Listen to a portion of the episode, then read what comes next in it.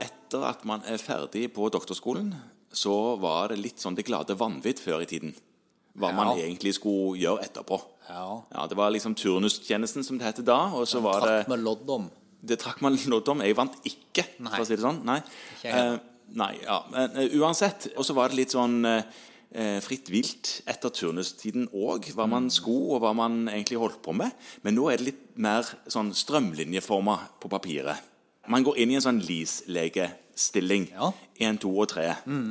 Og i disse LIS-legeforskriftene så står det noe om veiledning, og det står noe om supervisjon. Ja. Ja, Hvorfor snakker vi om det i dag?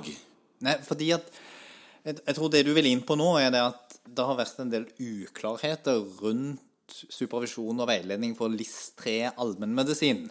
De Det- som nå skal bli spesialister i allmennmedisin etter såkalt ny ordning. Ja. Fordi at de har krav på supervisører Ja, og veiledere. det er to forskjellige ting. Det er to forskjellige ting i forskriften. Forklare det litt sånn grovt, så er en supervisør en som gir, har en sånn daglig tilsyn med hva som foregår. Sånn, det vi ofte kaller veiledning, Ja. som på en måte er å vise hvordan man gjør ting, eller forklare hvordan man gjør ting, eller vise en øvelse, aktivitet, prosedyre. Eh, Mens veiledning er mer overordna, systematisk, store linjer, og lære de og veilede de i å bli spesialister i allmennmedisin. Ja, Bli kompetente profesjonsutøvere. Som er en mer overordnet systematisk sak enn den supervisjonen, som er en sånn daglig til daglig hands on-ting. Og man trenger begge deler. Og før har rollene vært litt uklare, så det er veldig bra. Ja, det er veldig bra. Problemet er det at det påligger utdanningsinstitusjonen et ansvar å stille nok supervisører og veiledere. Så utdanningsinstitusjonen for en allmennlege, vil det da si kommunen? Det vil si kommunen. Ja. Eh, og da kan vi egentlig stoppe, fordi at nå er det akkurat nå ute en høring, litt som en følge av at noen fant ut at dette her er ikke godt nok forklart i spesialistforskriften. Mm. Så er det ute en høring på hvordan dette nå skal organiseres, estimeres tidsbruk på, honoreres osv. Nettopp. Fordi at det som er helt klart, er at det er ganske krevende. Kommunen har et ansvar for å fremskaffe dette. Noen må ta på seg den jobben det er. Akkurat Supervisjon bør jo i all hovedsak skje hos noen som er på det samme kontoret som utdanningskandidaten.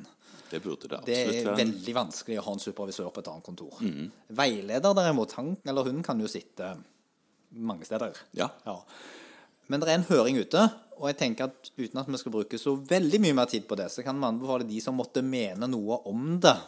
ja, Hvis du går inn på regjeringen.no og søker etter høringer, så finner du det. der ligger det. Og så står det der hvem som er høringsinstanser. Ja. Det, er, det er kanskje nerdete og syns det er morsomt å lese lister over høringsinstanser, men det er ganske gøy. Legeforeningen er høringsinstans, AF er høringsinstans osv. Så, videre. Eh, så hvis du mener noe den veien, så kan du ta det via lokalt foreningsledd. Og så er alle kommunene høringsinstanser. Ja. Og da tenker jeg at hvis du sitter der i din kommune og tenker at dette må jeg mene noe om fordi det skal løses lokalt, så ta kontakt med din kommunelege og administrasjonen i din kommune og men noe, og få de til å sende et høringsinnspill hvis de ikke allerede har tenkt på det selv. For sånne brannfakler som at eh, enkelte kommuner mener at fastleger alltid har drevet på med veiledning, derfor er dette her noe som vi automatisk kan. Det er jo noe som er sagt. Det er kanskje ikke helt riktig. Det er hyggelig at de tillegger oss den typen egenskaper, men, men faktum er at det er ikke nødvendigvis noe vi kan. Nei. Og at supervisører det er noe som man kan ta på hælen, og det trenger man vel ikke ekstra honorert for. Ja. Sånne ting som det er jo kanskje noe å nevne at eh, man ikke nødvendigvis kan finne seg i. På ingen som helst måte. Og nå vet jeg at du har drevet med både supervisjon og veiledning i mange år, og det har jo undertegnede også gjort. Og det vi vel begge kan skrive under på, er at det tar tid, Det gjør det. kan ikke tas på hælen. Nei, det kan ikke tas på hælen. Og en annen ting er jo utdanning av eh, veiledere og supervisører. Det burde òg kanskje blitt formalisert på et eller annet vis. Da syns jeg du skal skrive noe i høringen, Morten. Jeg kan være at jeg gjør det.